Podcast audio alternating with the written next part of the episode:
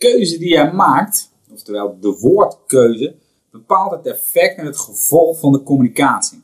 En of dat nu in een privé-setting is, aan tafel bij een klant of op je website, elk woordje heeft een bepaald gevolg.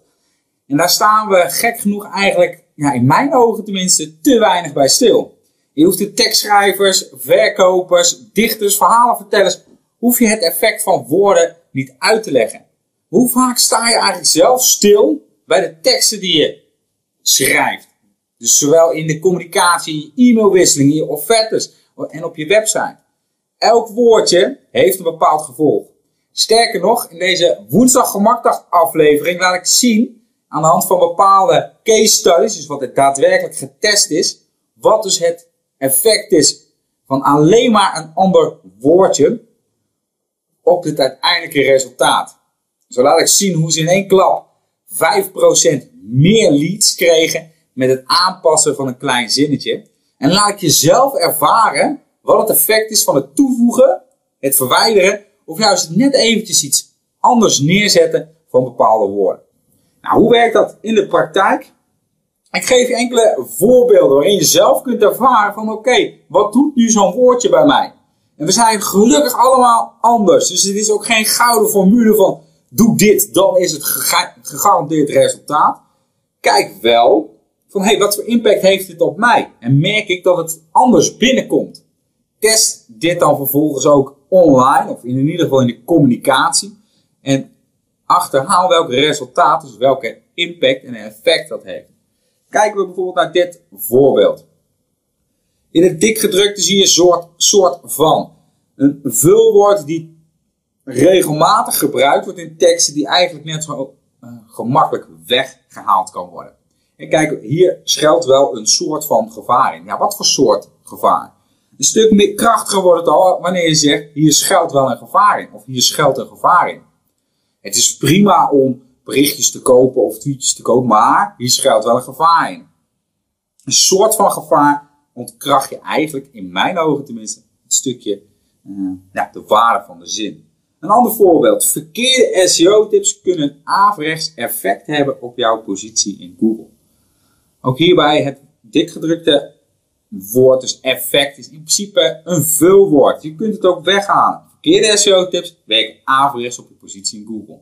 Hij komt veel sneller binnen en het woordje effect kun je in allerlei zinnen ertussen krijgen, maar je kunt het nog beter er gewoon uithalen. Dit is dus ook belangrijk, wil je beter gevonden worden.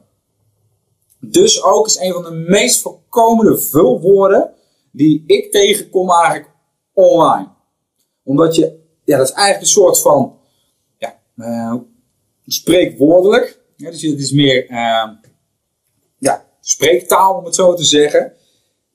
Waardoor je dus, als je het weer terug gaat lezen, dit is belangrijk, wil je beter gevonden worden. Dit is dus ook belangrijk, wil je beter gevonden worden. Of dit is belangrijk, wil je beter gevonden worden. Het komt een stukje krachtiger binnen. Dus hoe meer van die vulwoorden jij in je zin hebt, hoe grotere optimalisa optimalisatieslagen jij nog kunt maken. Ander voorbeeld. Heb je eigenlijk geen idee hoe je aan nieuwe klanten komt? Of heb je geen idee hoe je aan nieuwe klanten komt?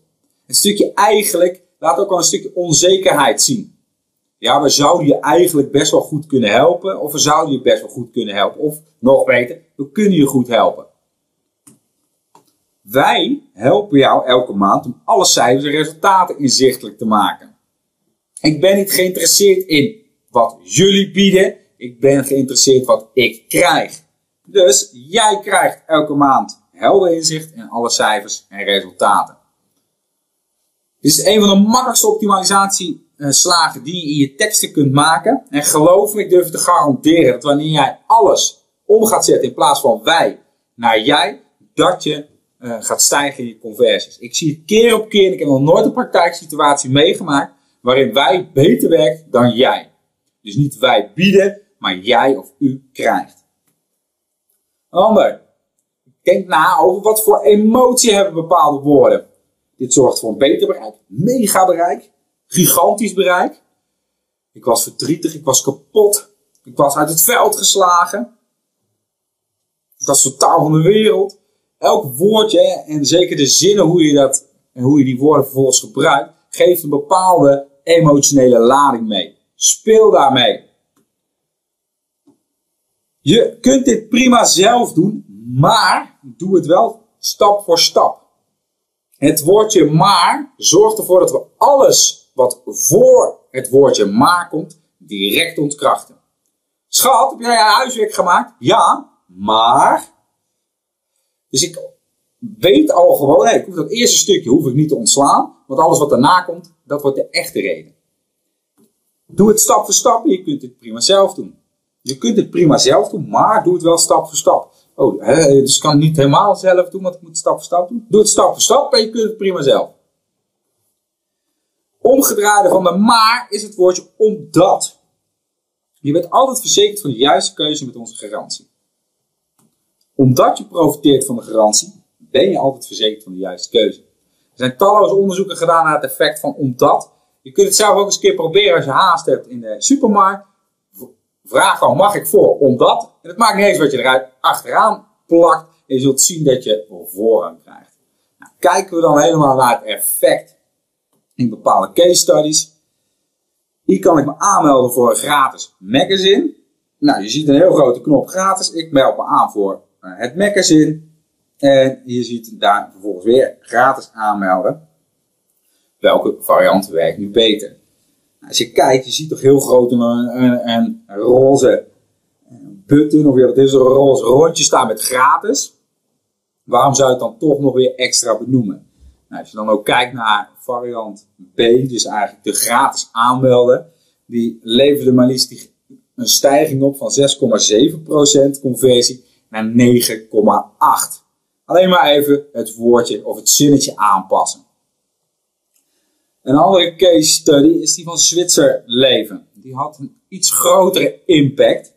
Zwitserleven, we kennen volgens mij, de meesten kennen wel de reclames ook van de pensioenen en onbezorgde pensioen.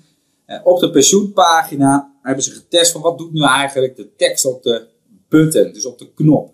Nou, de afbeelding is niet zo van hele goede kwaliteit. Eh, alleen op die rode knop stond meer informatie en de variant was ga verder. En als je kijkt, levert dus die meer informatie levert maar liefst een CTR, dus een doorklikpercentage, stijging van 14%. Dus 14% eh, meer klikt. En uiteindelijk ook ietsjes meer dan 5% meer leads. Dat is een gigantische stijging met alleen maar een kleine aanpassing in een stukje tekst. En als je er ook echt bewust bij stil gaat staan, is het ook niet zo heel onlogisch dat meer informatie beter werkt. Wat weten wij allemaal van informatie? Dat is dat het gratis is. En als ik dus op een knop meer informatie zet, weet ik van oké, ik krijg alleen maar meer informatie. Klik ik op ga verder, dan of het nu onbewust gebeurt, of dat ik er al bewust mee bezig ben, ik ga direct nadenken, ga verder met wat? Ben ik ook iets aan het bestellen? Met wat ga ik dan precies verder? Wees je van bewust dat er enorm veel, en dan ook echt enorm veel emotiewoorden zijn. Woorden die extra uh, psychologische kracht met zich mee, uh, ja, meenemen, om het zo te zeggen. En dat er enorm veel vulwoorden zijn. Nou, ik ben bezig met een heel uitwerking van alle vulwoorden, zinnen, die je dus heel gemakkelijk eigenlijk kunt gaan gebruiken bij het redigeren van je teksten. Dus mocht je dat interessant vinden, geef even een, reactie onderaan deze video. Zodra ik hem nou klaar heb, weet ik in ieder geval dat jij geïnteresseerd bent. En zorg dat jij ook een exemplaar ontvangt. Mocht je dit soort tips sowieso nooit meer willen missen, zorg dat je abonneert. En heb je vragen of reacties, laat wat van je horen. En dan zie ik je bij de volgende aflevering.